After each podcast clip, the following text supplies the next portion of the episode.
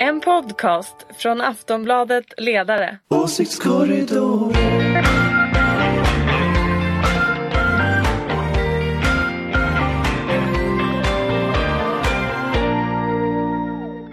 Hej och välkomna till veckans avsnitt av Åsiktskorridoren, en podd från Aftonbladet Ledare. Som vanligt ska vi försöka orientera oss fram genom den svenska politikens alla irrgångar. Och vi är, precis som vanligt, Ulrika Schenström, oberoende moderat, chef för den gröna och liberala tankesmedjan Fores, en outsinlig källa till visdom om svensk politik och sedan förra veckan körkortsinnehavare. Grattis Ulrika! Yay! Yay! Tack! Tack! Det känns fantastiskt. Sist av alla. Lina Stenberg, ledarskribent på oberoende socialdemokratiska Aftonbladet och ett av de senaste tillkomna ankarna i Åsiktskorridorens panel. Välkommen! Hallå, hallå. Ja, tack. Och så, också som alltid, Anders Lindberg, politisk chefredaktör på Aftonbladet, ledarredaktion och en åstadkommande, återkommande röst i Åsiktskorridoren ända sedan starten. Välkommen! Hej hej! Kul att ni är här. Själv heter jag Ingvar Persson och till vardags skriver jag också ledare i Aftonbladet. Idag ska jag dock försöka hålla mig till att leda det här samtalet och den här podden. Eh, vi måste ju nästan eh, börja med den allra senaste nyheten. Eh, I förra avsnittet av podden pratade vi ju lite kort om tids, tidnings eller tid, nyhetsprojektet eh, eh Bulletin. Den här storslagna satsningen men som nu mest handlar om bråk och konflikter. Och idag meddelar ju bland annat chefredaktören Ivar Arpi och den politiska redaktören Alice Teodorescu att de slutar. Är det här slutet för Bulletin, Anders? Jag vet inte. Alltså, det, det, det är ju några kvar. Per Gudmundsson var ju kvar såg jag. Och Caroline Dahlman var ju kvar såg jag. Eh, och de där ägarna som ju verkar ha en ganska, vad ska man säga, speciell syn på publicistisk verksamhet, de är ju kvar också. Och den här eh, IT-chefen verkar ju vara kvar, han som skulle rekrytera en ny personal eller vad det var för ett tag sedan. Så det, det, det, en, en, del av liksom kretsen är väl på plats. Om de sen kan driva en tidning eller inte, det, det vet jag inte. Liksom. Men jag vet inte, jag tror det är lite för tidigt att, att döma ut Bulletin än. Ulrika? Alltså, jag tror ändå att det här kommer bli svårt att reparera på något sätt. Jag menar, hur ska det gå till? Jag, jag, nej, jag tror det blir svårt Anders. Allvarligt talat, jag tror det kommer bli väldigt svårt. Alltså jag tror att det finns några Det kan till. ju vara så möjligen Anders att du vill att de ska fortsätta vara pinnar. Det finns no Nej, några alltså, till. Du måste väl ändå hålla med om att det finns ett visst värde i att Bulletin fortsätter hålla liksom fanan Abso högt. absolut. Och visa liksom kvaliteten och djupet hos liksom borgerlig opinionsjournalistik här under, under ett och ett halvt år kanske Jo. framåt. Jag, jag förstår att du känner så, men jag, jag, jag tror det nog är slut nu. Kanske snart, väldigt snart. Ja. Ska vi, ska vi tänka att det där var ett uttryck för viss skadeglädje? Ni som lyssnar skulle bara se hur han ser ut just nu, Anders. Nej, men jag är inte skadeglad på riktigt. Jag tycker faktiskt ganska synd om, om, om liksom de som har hamnat i detta. För det är ju uppenbart att de här ägarna, eller någon av dem, lite oklart hur det har gått till, har ju uppenbarligen lurat på ett gäng människor att de ska få jobba i den här verksamheten. Och sen så ska ägarna gå in och styra på ett sätt som strider helt mot svensk publicistisk tradition. Och det är klart att det måste ju vara väldigt, väldigt jobbigt att vara i det läget. Så att, så att eh, jag, jag är inte skadeglad. Jag var skadeglad i början, men sen gick det liksom för långt. Det går inte att vara skadeglad längre. Det blir bara sorgligt alltihop. Men sannolikt så blir det ju några som kommer in som inte har samma förväntningar. Alltså någonstans, nu har du ju liksom korten på bordet, nu vet vi ju vad det är för ställe. Och sannolikt finns det ändå folk som kan tänka sig att jobba under sådana omständigheter som, som vill driva högre opinionsbildning. Och eh, jag menar, så länge det funkar och inte då urartar allt för mycket så kanske det kan bli något. Men det kommer ju inte vara samma sak som det var tänkt när man med hög svansföring anlitade de här eh, ändå journalisterna eh, till de här positionerna. Och nästa Men fråga är väl, finns vad det händer någon som sen vill läsa? Alltså att det finns någon som vill jobba där är väl en sak, men finns det någon som vill läsa? Det tror jag absolut att det gör. Alltså det, det finns ju, jag menar, det, dels så finns det ju de som, som har bidragit med pengar under hela den här tiden. Eh, som har, har någon slags ja, donationer som de ger till det här. Och sen tänker jag att ja, men det finns ju redan många andra plattformar ännu längre till höger eh, som skriver så kallade nyheter. Så att eh, det finns det nog. Alltså rent, rent om man tittar på liksom affärsmodellen som Bulletin har. Om man tittar liksom på den utan att kunna det här med hur mycket eget kapital de hade från början, för det, det vet jag inte. Så, så, ser det ju inte ut som de har särskilt mycket intäkter. Utan de har ju intäkter från prenumerationer och det verkar ju vara det. Och det är klart att om de ska vara 25 personer som medierna i, i Sveriges Radio har uppgett att de är, eh, med lön på över 50 000 var, vilket var den uppgiften som kom, då krävs det ganska stora intäkter. Eh, och de är inte i närheten av prenumerationer eh, ut, om man jämför med det. Så då är det alltså pressstöd som de ska klara.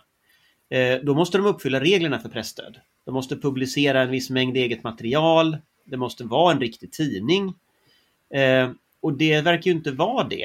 Eh, det verkar ju dels den här plagiatskandalen men sen också liksom rent volymmässigt. Så att, Nej, men, ja, och, och det, det, finansieringen blir ju svår. Ja, och pressetiken är konstigt. Ska det vara någonting då får de ju börja om från början så får det ju heta någonting annat. För det här mm. tror jag inte kommer att gå. Nej. Alltså det, det, som kan gå är ju människorna. Att människorna finns där och vill jobba. Det, det som naturligtvis kommer att vara problem det är intäkterna. Varumärket är ju hyfsat skadat så att jag tänker att um... Du tänker så? Mm. Så tänker jag. Att man får göra en ny. Vad skulle den heta då? Den nu, andra bulletin. Nu kan du fundera ut någonting så här. Nya bulletin. Nya bulletin. Nya bullar. Ja, bulletin 2.0. Mm. Ja, vi, vi, släpper den. Eh, fortsättning lär följa eh, i en eller annan form. Eller så gör det ju inte det har ju Ulrika sagt. Nej, nej, men det är riktigt. Men i ja, alla fall till nästa inte, vecka. Ja, men i alla fall inte den tappning som är nu. Det, jag tror det blir svårt faktiskt. Mm. Och som sagt, bara för eftersom detta är radio så eh, bilden av en katt som just har ätit upp kanariefågeln hade väl varit rätt passande på Anders här när han... Det får man verkligen säga. Som en fet katt gliade han sig på magen och av ytterst nöjdhet. Mm. Jag ska klippa bort att ni sa det där. Det ska du eh, inte. Vi går över till nästa fråga. Jag trodde ju i min enfald att vi sagt allt som finns att säga om Liberalerna, Saboni och bråket i det partiet. Ingvar, det Men... har bara börjat. Det har bara börjat. Jag inser det. Eh, till helgen ska de i alla fall ha ett avgörande partiråd och där lär bråket fortsätta. Eh, Dagens Nyheter berättar om ett splittrat kvinnoförbund som revolterar. Svenska Dagbladet om hur Liberalernas eh, Fredrik Malm och Bengt Eliasson bytt sida. Eh, alltså nu är rapporteringen verkligen nere på individnivå. Eh, Ulrika, kommer Saboni att vinna på, i helgen? Alltså, jag har gjort lite efterforskningar då, djupdykt ner i kompisar i Liberalerna och det verkar som hon kommer att ta hem det. Ja. Men då kommer det också bli en splittring. Eh, det är väl Stockholm som stretar emot. Men jag såg ju också att gamla, gamla giganter som tidigare partiledare och så vidare som tänker hoppa av. Bengt Westerberg. Alltså jag tycker att det här verkar vara extremt infekterat. Jag är inte säker på att klara det här i framtiden. Alltså jag är inte säker på det. Överlever Liberalerna den här striden? Ja, det är det jag menar. Jag är inte ja. så säker på det. Därför, nu är det nästan lite som bulletinkänsla. Alltså det, här, det känns liksom, man pratar med olika liberaler som då står på lite olika sidor, så det är så infekterat och de verkar så irriterade och arga på varandra. Att det liksom, jag fattar inte de här barndomsvänner från lufttiden liksom, som nu bara står och fullkomligt hatar varandra. Och det där är ju inte vettigt, eller varken vettigt eller bra. Eh, så att eh, ja, jag, jag, jag har jättesvårt att se hur de ska klara det här. Ja. Går de samma väg som Bulletin, Lina? Alltså det är en ganska rolig liknelse, eh, ganska tidsenlig så att säga. Nej, men det, det är ju verkligen befogat. Det är ju så ett otroligt litet parti och jag menar, splittrat pytteparti, vad blir det liksom? Eh, alltså, går, går det enligt Sabunis väg här, ja men det kanske blir svårt att byta ut henne inför valet. Alltså hon sitter väl kvar till valet, det blir väl liksom en effekt. Men sen då? Alltså, och hur går valet? Det är ju... Så någonstans blir det väl liksom att försöka hålla ihop så gott det går inför det, men, men ja, vad, vad blir det för parti sen? Det kan man ju verkligen undra. Det är ju, det är ju rätt sorgligt. Mm. Och dessutom så är det ju så att eh, när Sabuni nu försöker klargöra sin linje så går Sverigedemokraternas Oskar Sjöstedt ut och säger att han minsann inte utesluter något när det kommer till förhandlingar. Eh, inte ens att driva igenom förslag mot en sån här Kristersson-regering eh, med hjälp av andra partier, till, till och med Vänsterpartiet. Eh, och det där låter ju nästan som det skulle hota hela budgetprocessen. Är det, är det så att den håller på att falla sönder också i spåret av Folkpartiet? Eller förlåt mig, Liberalerna. Anders? Alltså budgetprocessen i den mening vi har känt den, eh, den vet jag inte riktigt i vilken mån den håller ihop när man tittar på mängden eh, utskottsinitiativ som tas eh, idag. Och där, där, ser vi ju historiskt så har ju budgetprocessen varit sammanhållen eh, och, och, är ju sammanhållen fortfarande. Men om du staplar liksom alla extra budgetar som har tagits, som förvisso följer processen, och alla utskottsinitiativ som jag inte ens vet vad de kostar eh, på varandra. Så det är klart att den här ordnade processen var ju rätt länge sedan. Och där ser vi ju utskottsinitiativ som har stöd över hela brädet. Alltså, så det är inte så långt från att Sverigedemokraterna och, och Vänsterpartiet till exempel röstar igenom något riktigt rejält i riksdagen som överhuvudtaget inte har en koppling till budgeten. Så jag menar, det, det, det är klart att det skakar som en konsekvens av det.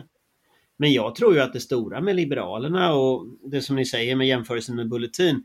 Alltså jag tror ju att, att eh, hon verkar ju vara otroligt hänsynslös mot sina medlemmar, den här Saboni. Om man tänker att det här är människor som har liksom vikt sitt liv till Liberalerna och varit aktiva alltid. Och hon bara struntar i och kör bara rätt över med en bulldozer. Att det är klart att, att det måste ju skapa en oerhörd ilska och när sådana här som Bengt Westerberg går ut och säger att, att liksom ifrågasätter ungefär att han ska vara med i partiet. Alltså det är klart att, att jag vet inte, Maria Leisner mumlade någonting också. Även om hon sa att de skulle släpa ut henne så var det också samma typ av kritik. Och, Le och vet du, eh, Björklund sitter väl i Rom och är tyst i och för sig. Men, men, men alltså det är ju en, en typ av bråk som jag kommer att skada partiet något oerhört tror jag. Och hela idén Saboni verkar ha är ju att vinna moderata stödröster. Och jag menar, jag måste nästan... Alltså... Och, och, och då vill jag bara lägga till Anders, att ligger KD som de ligger nu, då, var, då riskerar ju, ju Liberalerna inte få någon stödröst alls. Jo, men sen är väl också Därför det att traditionellt så är det ju KD som moderater stödröstar på. Ja, det är det ju. Och, och litar Moderaterna på att Liberalerna inte byter sida igen? Ja, och framförallt alltså, vilket... om, ni, om ni tittade tidningen i Dagens Industri idag så har ju till och med SD börjat vända på sig. Det där är ju för att trolla naturligtvis, alltså när de öppnar för att de kan rösta med vem som helst och sådär och att de inte alls eh, måste rimligtvis sådär. Alltså det, Oskar Sjöstedt, han håller på och vinklar för att göra moderater stressade tror jag just nu. Jag tycker det är oerhört intressant hur de maktspelar och hur de visar upp sin position just nu. Usch. Jo, men det är också intressant tycker jag att, att om man, tittar, om man liksom läser mellan raderna vad Oskar Sjöstedt säger så är det ju att eh, han tänker ju bestämma Liberalernas möjlighet att påverka någonting. Absolut! Han, kom, han tänker ju bestämma manöverutrymmet. Och det innebär ju att det partirådet nu ska välja i, i Liberalerna, det är inte bara om de ska backa upp Kristersson. Det är också Nej, om de ska acceptera att Oskar Sjöstedt har den liksom makten över den Liberalerna. Makten över dem. Så han får ju ett veto även över liberal politik. Ja, absolut. Och det är ju väldigt fascinerande liksom. Nej, men skulle de liberaler som lyssnar nu gå och öppna Dagens Industri, sidan 9. Läs den och fundera lite. Hörni. Mm. Men är det någon som blir förvånad över, över att han säger sådär? Alltså vad skulle han annars säga? Han är ju politiker. Det är väl hans Grejen jobb? Är den att, att jag tror så här. Jag tror att, att eh, Liberalerna har varit så upptagna av sin egen interna process att de har liksom förhållit sig till vad, vad liksom gubbe 1 och tant 2 förflyttar sig i olika kolumner i hur de ska rösta. Mm. Att de har inte tänkt på att det finns ett antal aktörer utanför partiet som tänker ha väldigt mycket inflytande över manöverutrymmet. Och vi har ju sett liknande i andra partier för att man blir så upptagen av sina interna konflikter att man liksom glömmer det som finns utanför. Men det som händer när de 28 mars har bestämt, för jag tror precis som Ulrika säger att, att Sabuni kommer att ta hem det här, den här linjen. Det hon kommer att möta då, det är ju alla de här andra aktörerna. Och jag kan nog mycket väl tänka mig att det som Bush, Thor sa, Bush sa, förlåt, med att det inte alls säkert att Liberalerna är välkomna. Jag kan tänka mig att det var, det är nog det mest sanna som har sagts. Eh, att det är där man kommer att stå. De kommer att säga vi vill in i det här, medan däremot Bush och Kristersson och Åkesson kommer att räkna rösterna och konstatera att de kan ta hem det ändå. Vad ska de då med Liberalerna till? Ja, Mm. Ja, möjligen eh, ta in dem i värmen, i sin värme då, för, för att hålla eh, liksom, Centerpartiet Jo, men med 2,8 procent så... Nej, men jag är håller med, jag håller med, De har ju inget bara- att bidra med. Men det är intressant det där hur, hur eh, liksom, partier kan få frånkoppla sig ansvaret utanför sitt eget parti. Alltså det har ju verkligen blivit mer och mer så. Eh, och jag menar, ju mindre nästan desto mer. Och jag menar, på ett sätt, ja det är klart att Liberalerna som det pyttelilla parti det är, inte är ansvariga liksom för hela världen. Men, men någonstans, om man vet att en förflyttning av positioner av det partiet påverkar, eh, ja men i det här fallet då, eh, liksom hur, hur landskapet ser ut i politiken i Sverige, så är det ju relevant. Alltså man kan inte frikoppla sig från att, eh, att en röst på det Sabuni företräder här ger SD mer makt. men det är väl Eh. meningen? Är det, inte, är det inte det hon eh, har kampanjat för? Jo Men, men vill de det då? Alltså jag tänker så här, eller, just, eller tänker man bort det bara? Alltså tänker man bara bort Jag tror man tänker bort det, man låtsas Mm. som att det inte är så. Sen tror jag man också är väldigt fast i, i liksom person, eh, eftersom det verkar vara sån åsiktsregistrering liksom långt ner i leden, var, i liksom partiföreningsnivåer, på vilken sida man står på. Och då, då blir ju den överordnade frågan kanske inte lika viktig som, som med vilka man får leka med nu och vilka man är med här och, och så vidare. Att man kanske blir fixerad i, i liksom de andra partimedlemmarna omkring sig. Lojalitetsfrågan blir liksom överordnad? Ja, den, lojalitetsfrågan lokalt och regionalt liksom, istället för att fundera på vad är det vi egentligen tar ställning kring och om.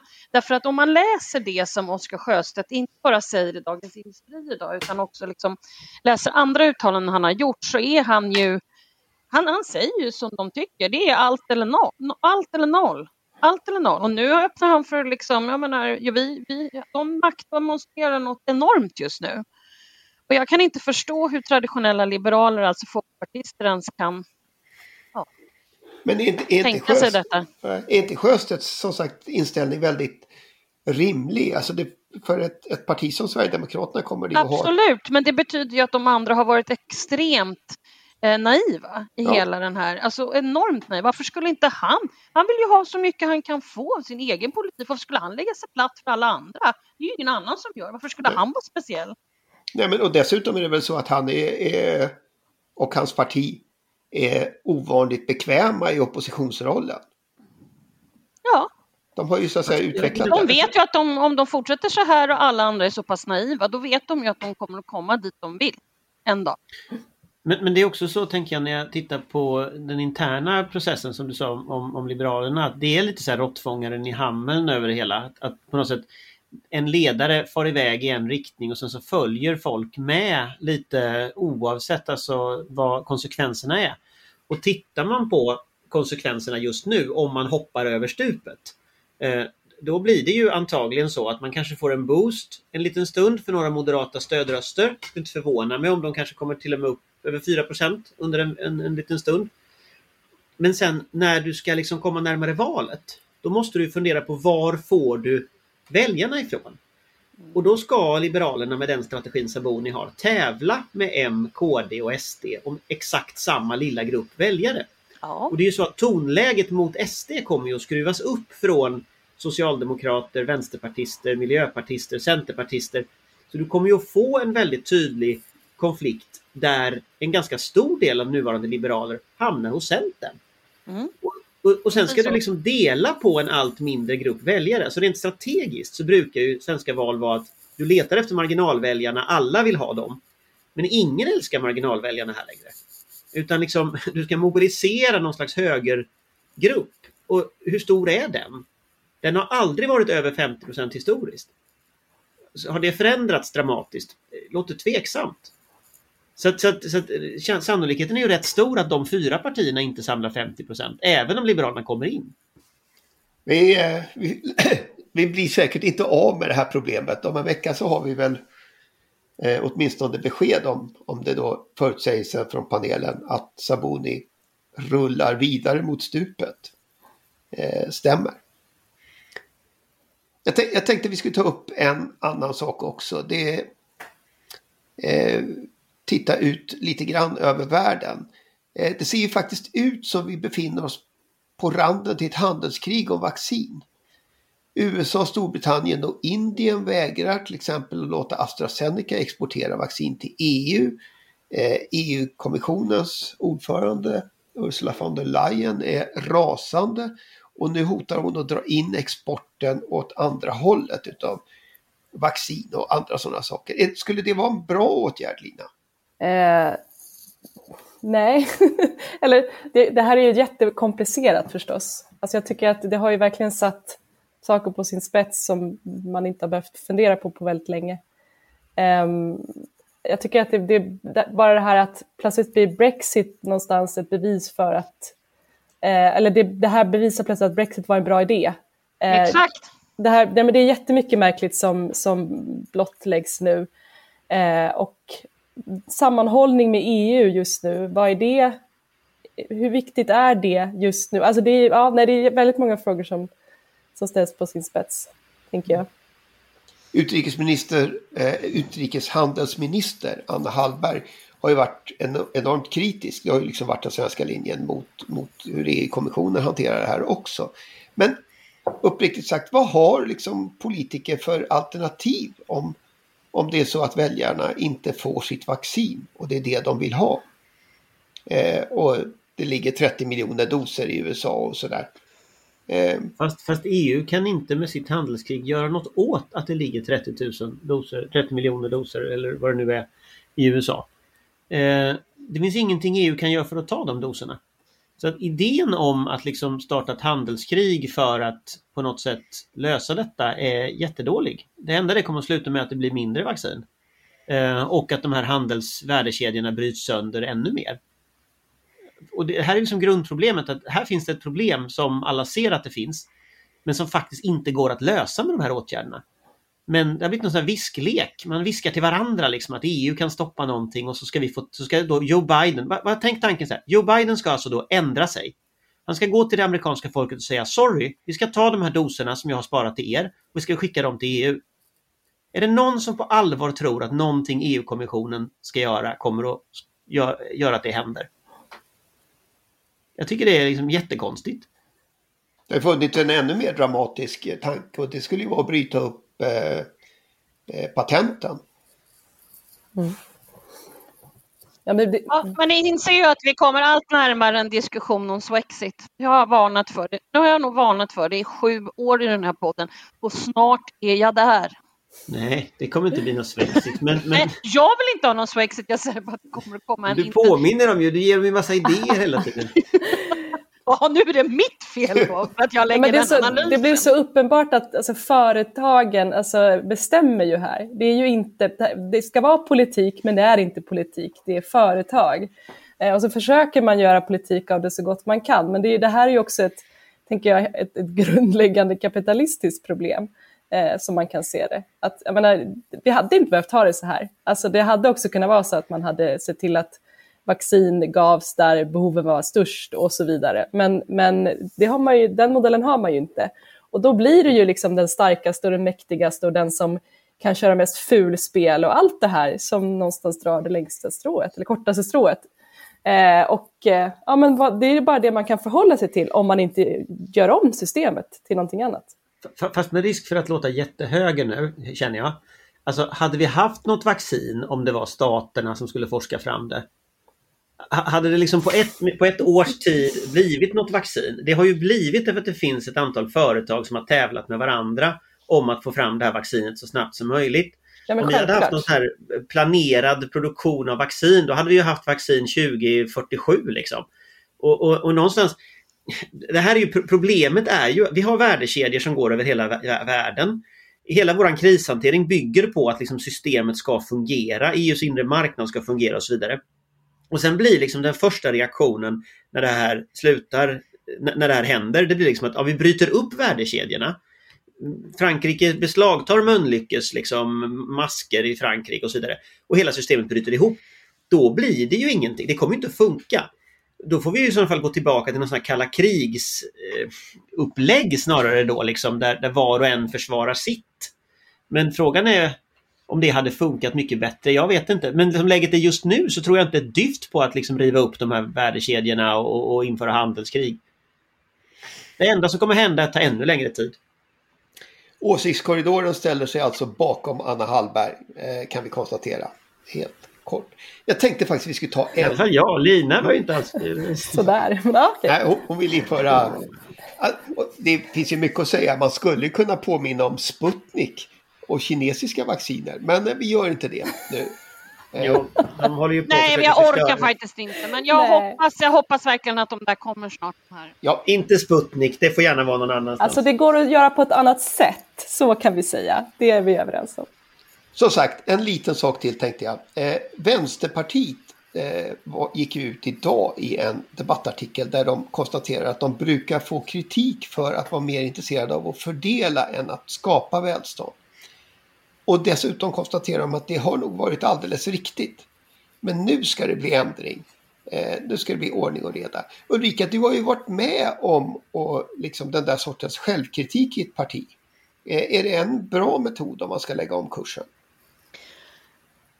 Den bästa metoden är när man erkänner sina egna fel och brister. Om man dessutom är politiker, att man då samtidigt som man erkänner sina egna fel och brister också snickrar på riktiga reformförslag som man kan presentera för väljarna så de vet vad de får om de röstar på en viss konstellation. Och som jag tidigare har sagt, efter 2006 så blev alla arga för att vi gjorde det vi skulle göra. Men det var ju det som var poängen och då fick vi också en majoritetsregering som ju lugnt och fint kan regera landet. Om än med andra a-kassenivåer ehm, eh, till exempel. Men ja, alltså, ja, ja, alltså är det så att, att, att ehm, att eh, Vänsterpartiet eh, samtidigt snickrar på riktiga förslag och sen kommer alltså att diskutera riktiga reformförslag oavsett om det är a-kassa, arbetslöshetsförsäkringar, whatever it is. Ja, då har de nog slagit in på en framgångsrik väg. Men de kopierar ju Nya Moderaterna. Den här artikeln är ju den artikel som ni skrev när ni skickade er ekonomiska politik När Mats. Bergstrand, dåvarande redaktör på DN Debatt, drog på vår politik har varit orättvis. Ja, den var ju det. Den slog ju bara för höginkomsttagarna. Och jag kan avslöja att det var väldigt många i Moderata samlingspartiet som var väldigt arga. Jo, men det Eh. kanske finns en och annan i Vänsterpartiet som blir arga nu för att de kopierar ju den debattartikeln nu. Fast de har inte skickat den till RUT i liksom samma rituella så här, Nej, och självmordsform. då kanske, då, för att jag menar Mona Sahlin försökte också eh, kopiera själva alliansbyggt och åkte till och med på samma sån här tåg med alla fyra huvudena från partiledarna och sånt där. Då sa jag det att det, man kan alltid kopiera men orkar man göra det riktiga tunga reformjobbet som faktiskt är både jobbigt, tar mycket tid, det är en, ett bråk kommer att få internt för det ska förankras och det ska... Om man orkar göra det, ja då har man åtminstone gjort det rätt. Så att vi får väl se om det här bara är en sån här copycat light-version eller om det är på riktigt. Fast om man tittar på att hon faktiskt, eh, Nooshi Dadgostar tänker jag, hon har ju eh, rekryterat Sandro Scocco Mm. Eh, så det, det, det låter ju i alla fall på riktigt i så mått att de har liksom valt att, att omgruppera om man säger så. Absolut, och någon kan ju ha läst kanske Aron Etzlers bok om Nya Moderaterna. Och någon kan dessutom, om vi har otur, läst The Unfinished Revolution av Philip Gold som Nya Moderaterna i sin tur hade läst och kopierat från New Labour. Eh, och jag, det har definitivt Sandro Scocco gjort. Jag vet inte riktigt om vänsterpartisterna, eh, de är renläriga kanske inte har gjort det. Men det är annars ett boktips. Därför att där står det precis hur man gör exakt det som Labour gjorde, som sen Nya Moderaterna gjorde. Men jag, vill men, men jag vill understryka, det går alltså inte fuska sig igenom den här metoden. Utan det handlar alltså om att klara av att orka göra det där reformarbetet och att jobba dygnet runt. Och inte inget glidarjobb utan jag kan, skulle kunna jämföra det med, eh, tänk er eh, fotbollsmatch tidig vår när det bara är gegga. Det är där. Det är bara inga fina bilar, det är ingen fin mat, det är eh, max någon macka i en eh, rälsbuss i övre Norrland med geggamoja över hela skorna och man har aldrig ens en tanke på att man någon gång skulle åka ett flygplan till ett toppmöte i EU. Fast, fast jag blir lite skraj när jag läser den här artikeln därför att, därför att jag ser ju också framför mig att ytterligare ett parti flyttar in i den politiska mitten.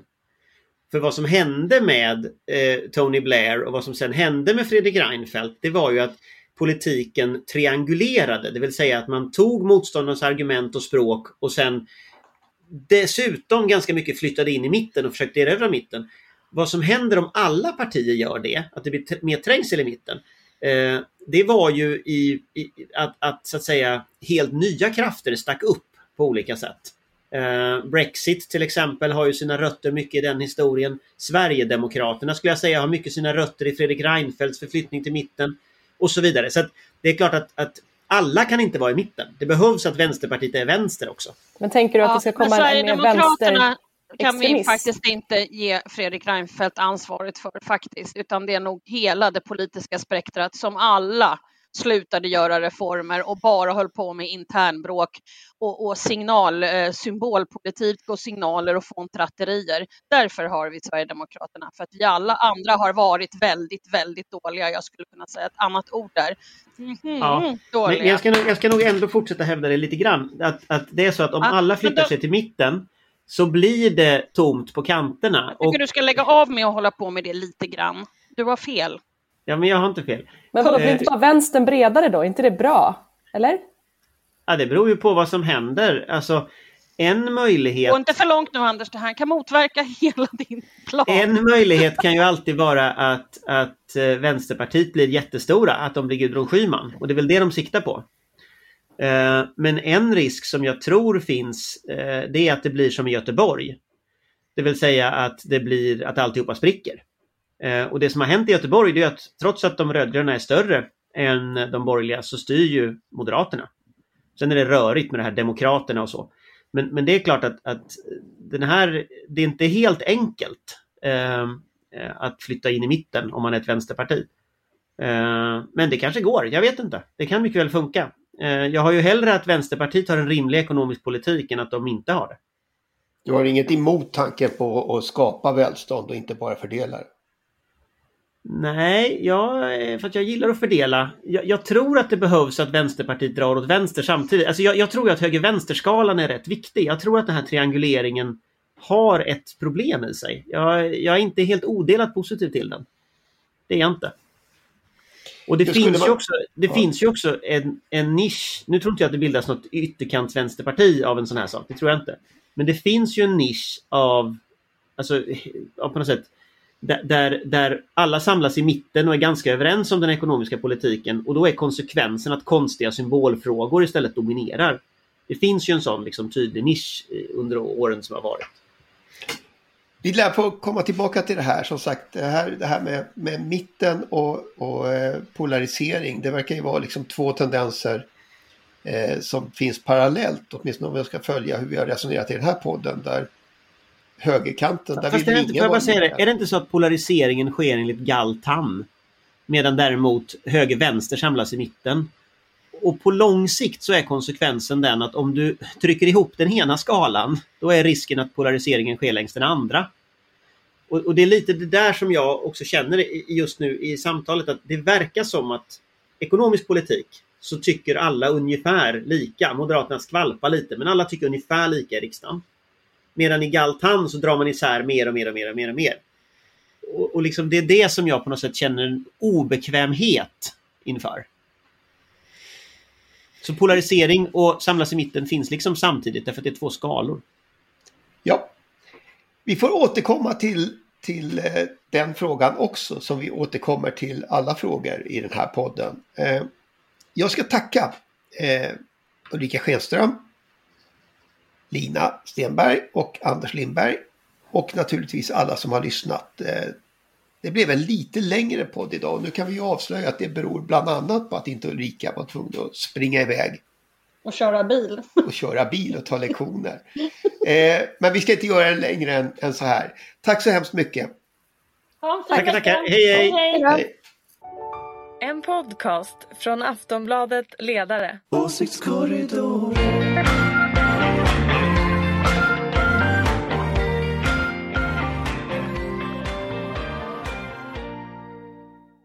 Du har lyssnat på en podcast från Aftonbladet. Ansvarig utgivare är Lena K Samuelsson.